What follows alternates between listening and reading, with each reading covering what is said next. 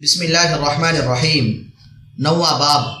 حضور صلی اللہ علیہ وسلم کی فرما برداری اور امتثال حکم اور یہ دیکھنا کہ حضور صلی اللہ علیہ وسلم کا منشا کیا ہے۔ ویسے تو صحابہ کرام رضی اللہ عنہم کا ہر فعل فرما برداری تھا اور گزشتہ قصوں سے بھی یہ بات خوب روشن ہے۔ لیکن خاص طور سے چند قصے اس باب میں اس لیے ذکر کیے جاتے ہیں کہ ہم لوگ اپنی حالتوں کا اس باب سے خاص طور پر مقابلہ کر کے دیکھیں کہ ہم اللہ کی اور اس کے پاک رسول صلی اللہ علیہ وسلم کے احکام کی فرما برداری کہاں تک کرتے ہیں؟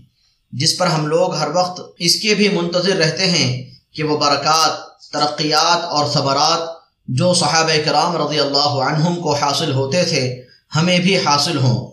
اگر واقعی ہم لوگ اس چیز کے متمنی ہیں، تو ہمیں بھی وہ کرنا چاہیے جو وہ حضرات کر کے دکھلا گئے ہیں۔ نمبر ایک، حضرت عبداللہ بن عمر بن عاص رضی اللہ عنہ کا چادر کو جلا دینا۔ حضرت عبداللہ بن عمر بن العاص رضی اللہ عنہ کہتے ہیں کہ ایک مرتبہ سفر میں ہم لوگ حضور اکرم صلی اللہ علیہ وسلم کے ساتھ تھے۔ میں حضور صلی اللہ علیہ وسلم کی خدمت میں حاضر ہوا۔ میرے اوپر ایک چادر تھی جو قسم کے رنگ میں ہلکی سی رنگی ہوئی تھی۔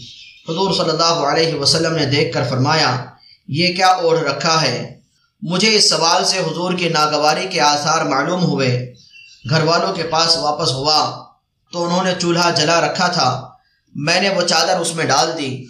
دوسرے روز جب حاضری ہوئی تو حضور صلی اللہ علیہ وسلم نے فرمایا، وہ چادر کیا ہوئی؟ میں نے قصہ سنا دیا۔ آپ صلی اللہ علیہ وسلم نے ارشاد فرمایا، عورتوں میں سے کسی کو کیوں نہ پہنا دی؟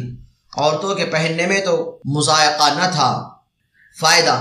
اگرچہ چادر کے جلا دینے کی ضرورت نہ تھی، مگر جس کے دل میں کسی کی ناگواری اور ناراضی کی چوٹ لگی ہوئی ہو، وہ اتنی سوچ کا متحمل ہی نہیں ہوتا کہ اس کی کوئی اور صورت بھی ہو سکتی ہے۔